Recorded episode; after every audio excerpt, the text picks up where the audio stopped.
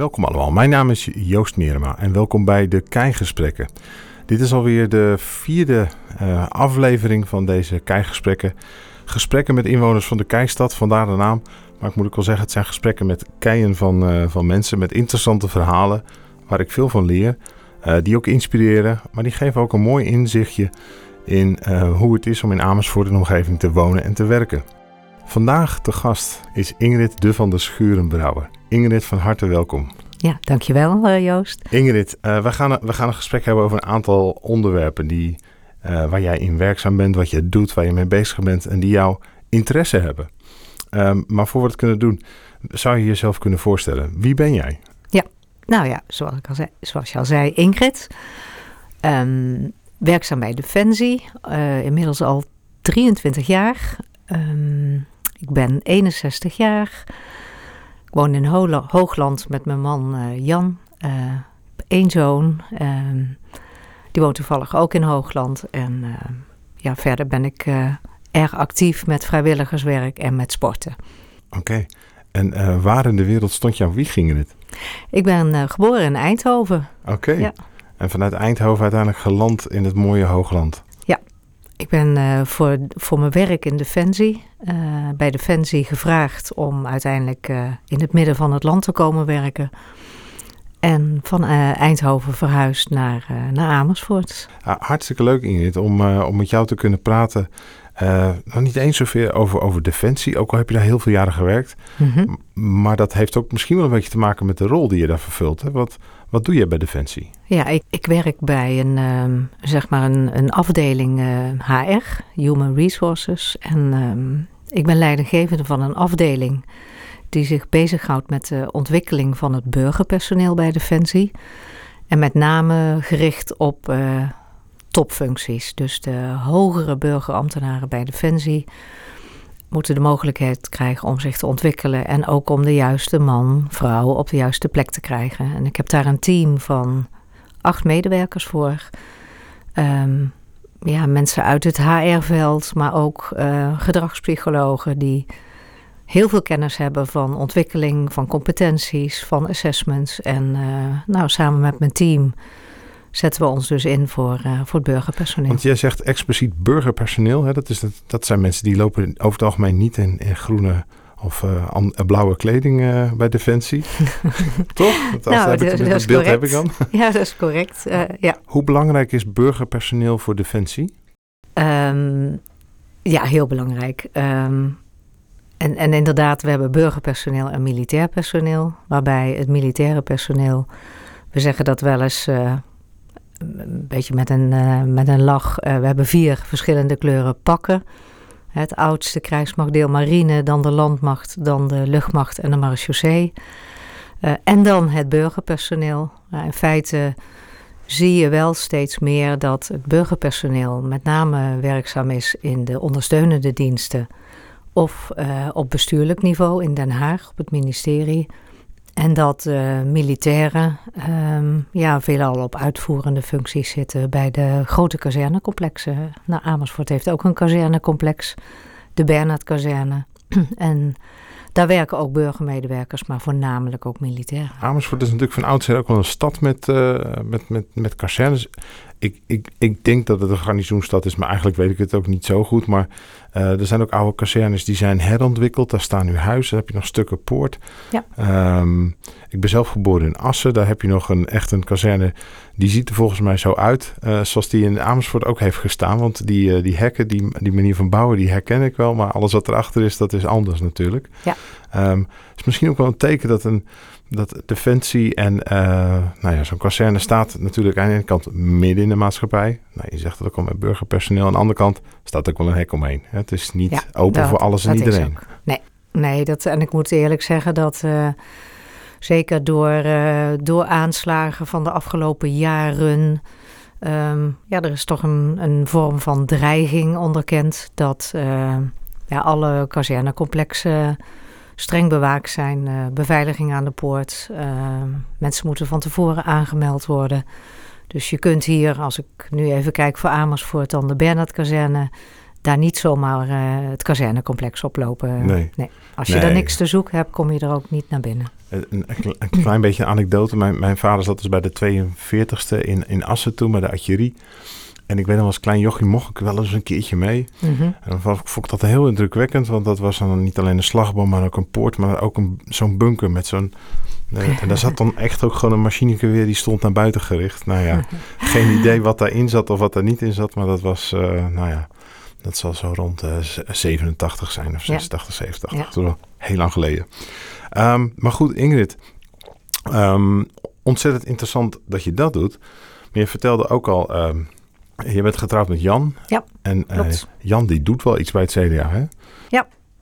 Vier jaar gemeenteraad en nu de fractievoorzitter van het CDA. En eh, nou, wat, wat ik zo zie, is hij er echt wel heel erg druk mee. Hij zet zich er eh, voor in lange avonden met vergaderen en overdag ja, toch veel de stad in. Dus om zich als, ja, als CDA te laten zien in de stad eh, voor, de, voor de inwoners, om eh, die betrokkenheid te tonen. Ja, en ik eh, weet dat het natuurlijk heel goed is dat dat gebeurt. Ja, want die, die, die betrokkenheid kost tijd, hè? Ja. Ehm, het is ook volgens mij nooit af, denk ik, hè? Nee. Ehm, dat zie ik. En toch eh, merkte ik in, eh, in... We hebben even een voorgesprekje gehad.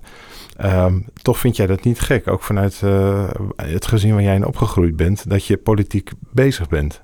Nee. Dat, dat, je, die, en dat, dat dat tijd kost. Volgens mij vind jij dat wel oké of logisch, of moet ik dat ja, zeggen? inderdaad. Nou, ja, we hadden het inderdaad al over. ehm, kijk, mijn, vader was vroeger directeur van een basisschool, had een hele drukke baan. Een school van 800 leerlingen in Eindhoven, waar ik geboren ben. En daarnaast, eh, ja, toen had je nog KVP, was die heel actief. Maar ook de Katholieke Bond van Ouderen. En heb ik dat toch wel meegekregen van huis uit. Van naast je drukke baan zet je je in voor, eh, nou, voor de politiek en voor de maatschappij. En hij heeft dat echt tot, eh, nou, voor zijn overlijden ook gedaan. eh, zich altijd ingezet. En ik moet zeggen dat ik dat ook altijd heb gedaan. eh, dus eh, naast fulltime werken, zoveel mogelijk iets voor anderen betekenen. Alhoewel ik voor de politiek zelf niet echt actief ben, maar meer voor maatschappelijke organisaties. Ja, dus bij jou ziet dat er zo uit dat je dat wel meegenomen hebt? Ja. Want wa- waar, waar heb jij zo al een bijdrage aan, aan mogen leveren? Nou, het zijn eigenlijk, als ik even de, de, grote organisaties kijk, zijn er dat vier. Ik ben eh, in Amersfoort bij een atletiekvereniging Altus ben ik eh, hardlooptrainer al twaalf jaar. Dus ehm, we trainen groepen om te leren dat ze een halve marathon kunnen lopen. Maar ook elke maandagavond gaan we met de groepen eh, op pad om te zorgen dat ze goede loopscholing krijgen. Voor eh, Altus ben ik ook redactielid voor het magazine. Dan als tweede ben ik secretaris van de damesafdeling van de Orde van Malta. Dat zijn eh 85 dames waar ik het secretariaat al bijna zes jaar voor doe. En vrij nieuw is dat ik sinds mei vorig jaar secretaris van, bij de Zonnebloem ben geworden voor de regio Amersfoort, regio Eemland eigenlijk. 14 afdelingen. En dan praat je echt in totaal over 500 vrijwilligers, eh 1000 gasten die gebruik maken van de activiteiten van de Zonnebloem. En als laatste, vierde, ehm, ben ik aangenomen voor de ledencommissie als een soort bestuurslid voor de provincie Utrecht Vechtplassen bij Natuurmonumenten. Om mee na te denken over het beleid van Natuurmonumenten, maar ook met ja, de, de leden. En dan praat je toch over 60.000 leden voor de provincie Utrecht. Om die te betrekken bij alle activiteiten van Natuurmonumenten. Ja, en dat is ook precies eigenlijk wel de achtergrond van dit gesprek. Hè, van de, eh, het, het vrijwilligerswerk. Hoe werkt dat?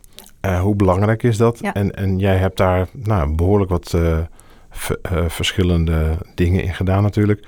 Ja, atletiek en atletiekvereniging, daar heb ik wel een beeld bij. Dus eh, Ja. dat, dat loopt wel, zou ik haast willen zeggen.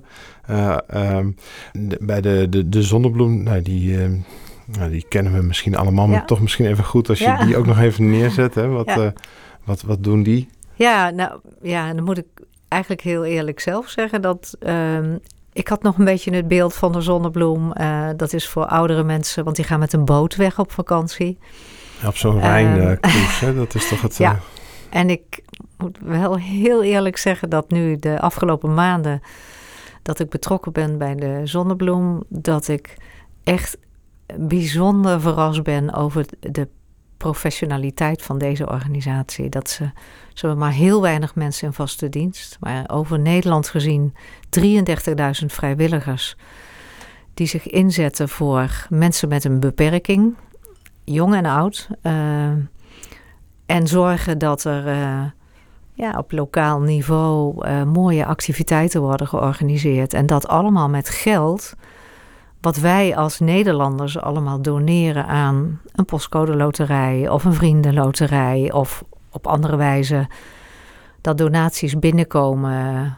En we noemen het altijd maar Breda, omdat de hoofdvesting van de Zonnebloem in Breda zit. En van daaruit wordt het verdeeld over de regio's en over de afdelingen.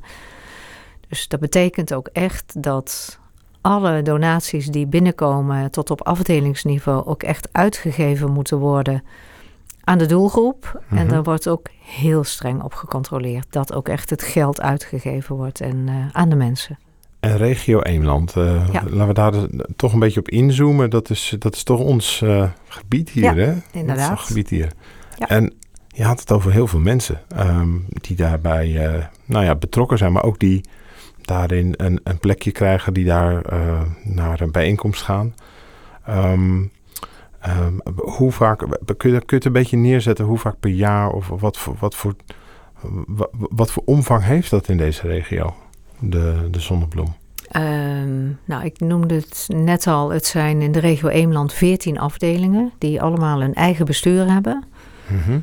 Um, is dat, ja, even een gelijke vraag. Ja? Is dat niet een beetje veel, 14? Of, of, waarom zijn het er 14 en niet 4 of 3? Heeft dat te maken met de omvang ja, het van het gebied? Of, ja, het is wel de om. En, en dit gebied, regio Eemland, strekt zich even de grote lijnen Bunschoten-Spakenburg tot Leus de Achterveld, tot Soes Soesterberg, tot um, oh, okay, dus... Woudenberg. Dus dat is best een groot gebied. Hm.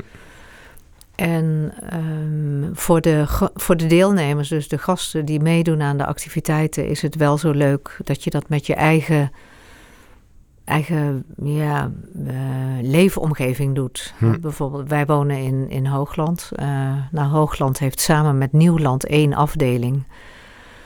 Daar zijn al bijna 100 vrijwilligers actief en ongeveer 130 gasten. Um, ja, als je dan al die afdelingen bij elkaar zou voegen, wordt het, wordt het te groot. Dan kun je ook niet echt iets organiseren voor de mensen. Alhoewel het ook leuk is om het regionaal te doen.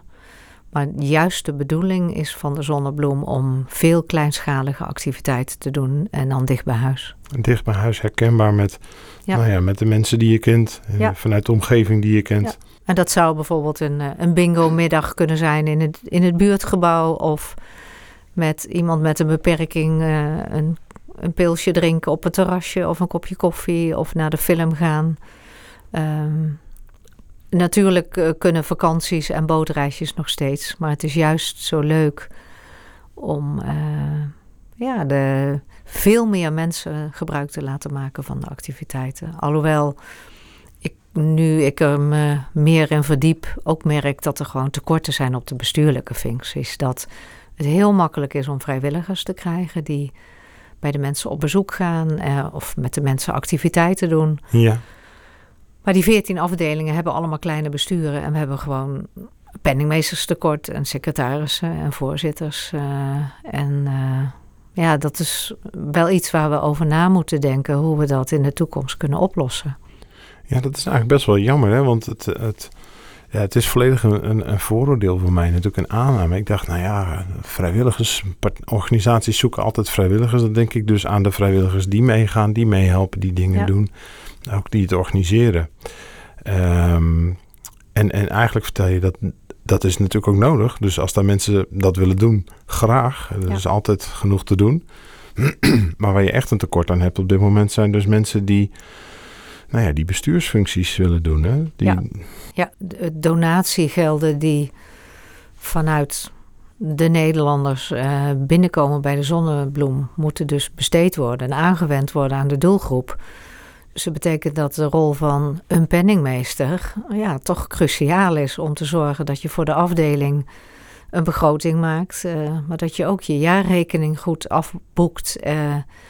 En dat gaat allemaal in systemen waar de controle van uh, Breda op zit. En ja, het klinkt flauw, maar uiteindelijk is het wel goed. Want als ik ergens geld aan zou doneren omdat ik iets wil betekenen voor mijn medemens en dat ik niet dat met mijn handjes doe, maar dat ik dat financieel doe, dan wil ik ook dat mijn geld terechtkomt bij de mensen waar ik het voor uitgeef. En ik ja, neem aan dat, dat iedereen zo bijna iedereen zo denkt. Ja. ja. Nou, dan is dit ook de, kans, de kans om dat toch weer even onder de aandacht te brengen. En um, nou sprak ik met een collega van mij, uh, ook een partner bij het bedrijf, Annette Bieseboer. Die, uh, die werkt bij, bij Make-A-Witch. Die heeft daar ook een, um, nou ja, zeg maar bestuursfunctie. Zij is teammanager, zij regelt dingen. Zij, zij herkende dat dus ook, want ze zei... En, want ik hoorde dit en ik keek ervan op. Dus ik dacht even vragen in mijn omgeving. En die zei ook van ja, dat is toch... Mensen willen echt graag meehelpen. Maar mensen hebben zelf een druk leven. Vinden het lastig om er überhaupt tijd voor vrij te maken.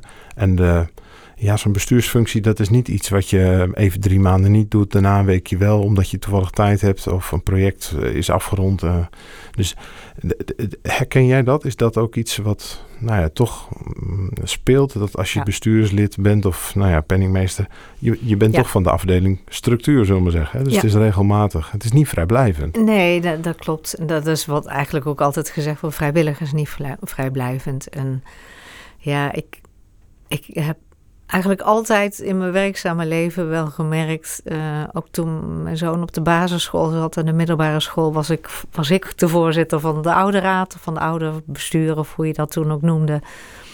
Dat we met een klein groepje ouders heel veel organiseerden. En het waren eigenlijk allemaal ouders die fulltime werkten, die het al hartstikke druk hadden. Maar die toch wel net als ik die insteek hadden van ja, weet je, uh, je moet toch ook iets betekenen voor in dit geval voor de school en zoals ik nu zei voor andere organisaties. Um, ja, en dat betekent dat als je dat commitment aangaat, ja, dan ben je er dus ook van. Dus dat betekent als ik nu op mijn computer mails krijg die vragen vanuit de afdeling met de zonnebloem of vanuit Breda, ja, daar moet gewoon een antwoord op. Dan, Sommige dingen moeten uitgezocht worden of er moeten vergaderingen belegd worden. Uh, nou, dat kan wel een dagje wachten, maar dat wil je ook niet uh, nee, helder, op zijn beloop laten. Dus uh, ja, het is wel een commitment. En als je kiest om niet de bestuurlijke functies te doen, ja, dan is het wat makkelijker om tijd in te delen. Bijvoorbeeld als vrijwilliger bij de Zonnebloem. Als je bij mensen op huisbezoek gaat, dan ben je daar wat flexibeler in. En, het kan ook consequenties hebben natuurlijk. Hè? Ja. Want zonder dit soort rollen niet ingevuld te hebben, dan ja, dan, dan stopt het toch waarschijnlijk. Ja. Hè? Maar dat is ook wel wat we nu proberen hoor, om toch binnen uh, die regio Eemland kijken of uh, afdelingen meer samen kunnen laten werken. Dat hè, de, de, bewoner, de, de deelnemers die hoeven natuurlijk niet te verhuizen of aan te sluiten. Maar dat je bijvoorbeeld een penningmeester um, van vier afdelingen de penningmeester is. Dat in ja. ieder geval die financiën geborgd zijn. Uh, of, of een voorzitter of een secretaris. Dus dat zijn ideeën voor de toekomst uh, ja, waar we mee aan de slag willen gaan. Uh, ja, dat klinkt ja. heel goed. En uh, nou ja, einde reclameblokje zou zeggen, meld je aan bij Ingrid. Hè? Ja. Dus dat is sowieso een goed idee. En misschien ook wel als, als er vrijwilligers zijn die dit horen, dat ze denken, oh, maar misschien vind ik dat ook wel eens interessant om, om van die kant mee te werken. Kan dat ook. Zeker, graag. En uh, wat leuk om te horen dat ook de Zonnebloem gaat werken aan toch shared services. Hè? Ja, ja, zeker. ja, dus hoe zullen we dat chic in managementtaal stoppen? Um, districtoverstijgende back-office functies. Nee, um, alle gekte op stokje is gewoon belangrijk. Ik moet namelijk ook denken aan een gesprek wat ik had met... Uh, het derde gesprek met Ellen Zweers. Daar hadden we het ook over um, hoe...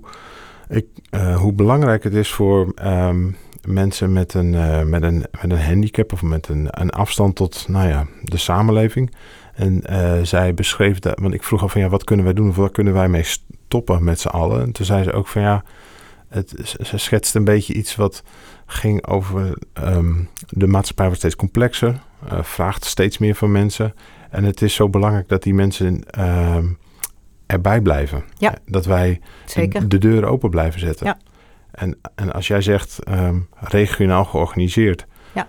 in een eigen omgeving, eh, nou volgens mij zei- eh, toch dat kopje koffie, dat gesprek, die bingoavond, dat, Ja. Eh, heb, je de herkenning op? ehm, Ja, toevallig zat ik eh, het weekend ehm, op, op de website van de Zonnebloem wat te verdiepen, meer in de achtergrond. En toen kwam ik ook tegen dat ze wat kernwoorden hebben bedacht. En dat is nabijheid, na, nabij en dichtbij. En dat is, is wel datgene wat je nu zegt van hè, betrek de mensen erbij. eh, hè, iemand met een beperking of iemand die eenzaam is haal ze erbij. Hè? Nabij, dichtbij. eh, dat dat nieuwe woorden zijn. En ja, dat geldt niet alleen voor de zonnebloem, maar ik denk dat dat voor de hele maatschappij geldt. Dat Ja. we ja, betrokkenheid met elkaar, of dat nou een atletiekvereniging is of wat dan ook, eh, betrokken bij scholen of bij eh, ja, eigenlijk alles wat er speelt. eh. Ja, nee, het is. Kijk, je beschrijft misschien ook wel iets van een stukje motivatie van mij om, nou ja, Ja. ervoor te gaan hoor. Want ehm, ehm, ik denk dat dingen beter kunnen. Ik vind ook dat dingen beter kunnen, maar ik, ik wil er ook aan bij gaan dragen. Ja. En dat doe je niet alleen, dat doe je samen. Ehm, en dat betekent dus ook ehm, iets aanpakken wat je misschien nog niet eerder hebt gedaan. In mijn geval opgaan voor eh, provinciale staten. maar wel eh, met hart en ziel, zullen we zeggen. Mhm. Of eh, ja, met, Ja. Een, met een koel hoofd en een warm hart, Ja. zeggen we een En wat, wat bracht je ertoe om op een gegeven moment te zeggen van nou, ik ga toch voor die provincie? Eh, Ehm, nou, dat heeft vooral te maken met dat ik zie dat... eh, kijk, de gemeentelijke politiek is heel dichtbij bij mensen. Ja. En ehm, ik heb in mijn werk ook veel binnen gemeentelijke, eh, aan gemeentelijke projecten gewerkt. Dus echt ook gezien dat daar wordt verschil gemaakt voor de mensen. Tegelijkertijd zie ik gemeentelijke nou ja, context of organisaties ook... eh, die, die worstelen met bepaalde problemen. Die, zij, die, die, die groeien hun toch een beetje boven het hoofd. Tegelijkertijd, eh, uit mijn nou, observeer ik en zie ik dat eh, de landelijke politiek wel heel ver van de mensen af. mhm, Ja, En ik denk echt dat de komende jaren wij gaan zien dat die overstijgende problemen van de gemeente, die worden nou, eigenlijk een niveau hoger getild. En ik weet wel zeker dat een aantal van de problemen die men in Den Haag gewoon niet onder de knie krijgt, maar die wel echt opgelost moeten worden, omdat onze maatschappij er anders echt slechter uit gaat zien dan dat nodig is, die zullen een niveau lager gebracht worden om toch meer maatwerk te kunnen doen. Ja. In beide situaties kom je uit bij de provincie. ja inderdaad. Ja. En, en die provincie heeft wat mij betreft daar en een, een bestaansrecht, Mhm. maar ook echt wel een rol te vervullen in die thema's als wonen, werken, ehm, energietransitie, klimaatadaptatie, samen met de waterschappen overigens. Dus ik vind het ook hele relevante verkiezingen nu, omdat dat de dingen zijn die de komende jaren ons individueel wel gaan beïnvloeden, maar die we ook lokaal, maar zeer beperkt, goed het hoofd kunnen bieden. Ja.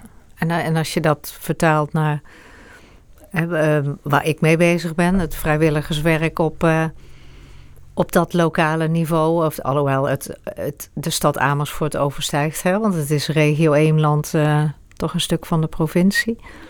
Wat, wat zou je dan kunnen betekenen voor. Ja, dat, nou, dat vind ik eigenlijk zou ik het jou moeten vragen. Maar mijn, mijn, kijk, wat, wat ik denk dat het niet is, en wat politici toch wel vaak doen, is eh, die willen laten zien dat ze iets belangrijk vinden door er geld voor vrij te maken. mhm. Ehm, ik zit ook in de medezeggenschapsraad van de basisschool van, eh, van, eh, in, in Vatters de Marken. Ehm, en jarenlang ging het daar ook vooral over geld. Maar waar gaat het daar nu over? Over personeel. Gewoon mensen. Ja. En het klinkt heel flauw, maar ehm, mensen kun je niet eh, kopen. Eh, als je begrijpt wat ik bedoel. Nee. Dus als je wel budget hebt, maar geen mensen, dan, dan staat het alsnog stil. Dus daar zie je dat gebeuren. En ik denk dat als je zegt van ja, wat kun je als politiek doen voor ehm, vrijwi- nou ja, vrijwilligerswerk of dat soort organisaties. Ja. Kijk, ze zullen natuurlijk altijd blij zijn met een gift of, of, of een bijdrage. Ehm, maar misschien geloof ik daar iets minder in vanuit eh, wat een provinciale politiek kan doen. Misschien toch wel weer wat meer aandacht daar gewoon aan geven. Mhm. Het zichtbaar maken, het Ja. werk zichtbaar maken, Ja. de, de, de, de, de meerwaarde zichtbaar maken. En het is natuurlijk helemaal niet zo makkelijk. Want als je een nieuwe brug bouwt, kan je erbij gaan staan met een foto en dan knip je een lintje en dan zeg je, tada, de brug is klaar. Dat Ja. is lekker tastbaar. Ja, inderdaad. Ehm, dus het is eh, misschien wel een beetje ondankbaar, maar het is juist dus belangrijk om maar aandacht daar aan te blijven geven. En misschien ook gewoon tegen mensen zeggen, joh, het is gewoon cool, het is gewoon fijn om eh, vrijwilliger te zijn. Ja. Ja, dit, sorry voor deze hele slechte spreuk. Hij ronde er zo uit. Ja. Maar misschien is het zo simpel, want er zijn heel veel mensen die het doen. Eigenlijk de meeste mensen die ik bijna allemaal, die vinden het super fijn, kost Ja. tijd, maar ze zeggen allemaal het levert mij meer op dan dat ik erin stop. Dus zelfs, zelfs als je egoïstisch bent, zou je eigenlijk vrijwilliger moeten worden. Ja. Zelfs dan. Dus laat staan als je iets minder egoïstisch bent en het voor een ander wil doen, ja, dan is het eigenlijk, zou het eigenlijk een 1 2 moeten zijn. Ja, dat is het. Nou ja, en ik heb veel verteld over de zonnebloem, maar ik zie het ook bij Altus Atletiekvereniging. Het zijn eh, 1150 leden.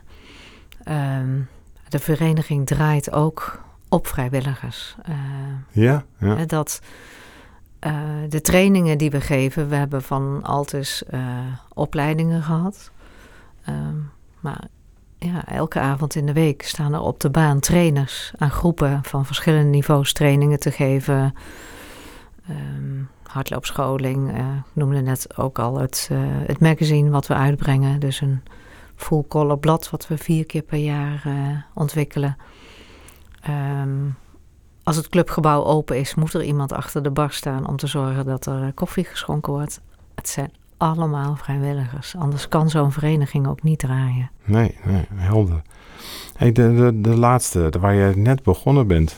Ja. Natuurmonumenten. Ja, ja. Was, nou, Hoe kom je daar nou terecht, Ingrid? nou ik, ik kwam erbij terecht omdat ik... Nou, ik ga binnenkort stoppen bij Defensie. Ik heb besloten om eh, eerder gebruik te maken van de pensioenregelingen. Ehm, na prachtige jaren en veel leidinggevende functies ehm, wil ik me op een andere manier gaan inzetten. En ehm, ben ik na gaan denken over grote organisaties eh, die ja, raakvlak hebben met mens en natuur. En toen zag ik eh, dat het hoofdkantoor van Natuurmonumenten verhuisd is naar Amersfoort op het station. Prachtige winkel, een soort servicecentrum. Ik ben daar gaan praten. Er zijn twee mensen die gaan nu in 2023 weg. Want die hebben er acht jaar op zitten. Dus ze hebben... Ze zochten nieuwe, Ze zochten nieuwe mensen, ja. nieuwe mensen. Ja, formele procedure met een hele selectiecommissie. Eh, meerdere kandidaten. En uiteindelijk eh, ben ik het geworden. En word ik in juni formeel geïnstalleerd in de ledenraad. Ehm, en eh, mijn rol wordt daar om met, met achten, dus wij zijn met een groep van acht, te zorgen dat we de leden van de provincie, 60.000 zijn het er ongeveer, eh, betrekken bij het beleid van natuurmonumenten. En dat doen we door eh, klankbordavonden te organiseren, Ja. nieuwsbrieven te schrijven, eh, op pad met de boswachter en daar een leuke tekst van te maken met foto's erbij om de leden te betrekken bij met name gebieden als de, de polder Eemland, de Kaapse Bossen, Koelhorst. En mee nadenken over het merk natuurmonumenten. Ja, dus een, een, een breed scala aan, eh, aan, aan zaken die, eh, die staan waar natuur eh, natuurlijk voor staat. Ja. En nou is er natuurlijk in Nederland wel iets aan de hand met natuur. Ehm, eh, aan de ene kant willen we meer natuur. Dan zeg je ja, recreëren. Het belang van natuur is groot. Ja. Maar aan de andere kant, we willen van alles wat meer in Nederland. We willen meer wegen, meer woningen, meer natuur, meer alternatieve energie. Ehm dat gaat natuurlijk helemaal niet. Want we hebben, we hebben ooit wel spolders gebouwd in het IJsselmeer, maar ik geloof niet dat dat echt op de planning staat om dat nog weer eens eh, te gaan herhalen. Dat gaat ook natuur te, het gaat ook de kosten van natuur. Ja.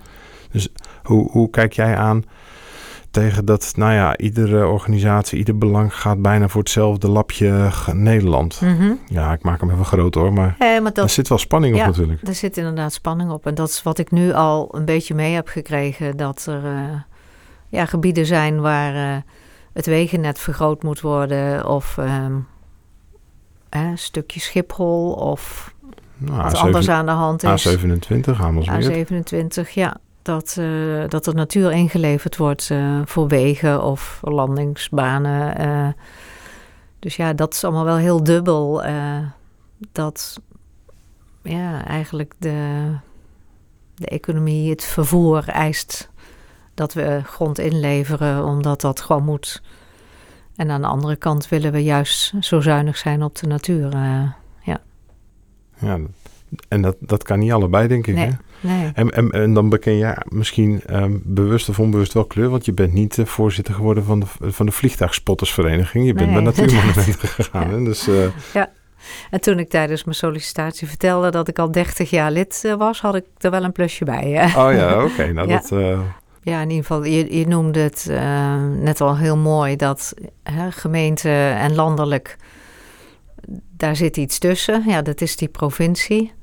Ehm, dus toch, ja, ook de, de, de balans vinden tussen de stad, de natuur, ehm, vrijwilligersorganisaties, werk. ehm, ja, wat landelijk niet opgelost wordt en wat ook bij de gemeente niet opgelost wordt. eh, als, als van daaruit het CDA zich in kan zetten voor, eh, voor de provincie en voor de regio, eh, alles wat hier leeft en speelt. ja. ja, is dat natuurlijk fijn als dat hè, jij dat doet vanuit je betrokkenheid en je inzet voor de politiek en voor het CDA. ja, heel graag. Ingrid, ontzettend bedankt dat je ons meenam in, in, in wat je doet en uh, daar, wat, nou, de, daar de uitleg over hebt gegeven. Ik vond het inspirerend. Ik heb weer even hoop geleerd over hoe het werkt. Um, en um, ik wil je daarom enorm bedanken voor je, voor je bijdrage aan dit kijkgesprek. Ja, graag gedaan. Dankjewel. Dit was het uh, kijkgesprek met uh, Ingrid de van der Schurenbrouwer. Um, vergeet niet als je deze serie leuk vindt en, en, het wil volgen of er een nieuwe uitzending komt, om even op het plusje of op het hartje te klikken, afhankelijk van welke podcast software je gebruikt, uh, Apple of Spotify. Um, ik wil iedereen bedanken die geluisterd heeft, maar vooral Ingrid. Dankjewel en dit was het kijkgesprek.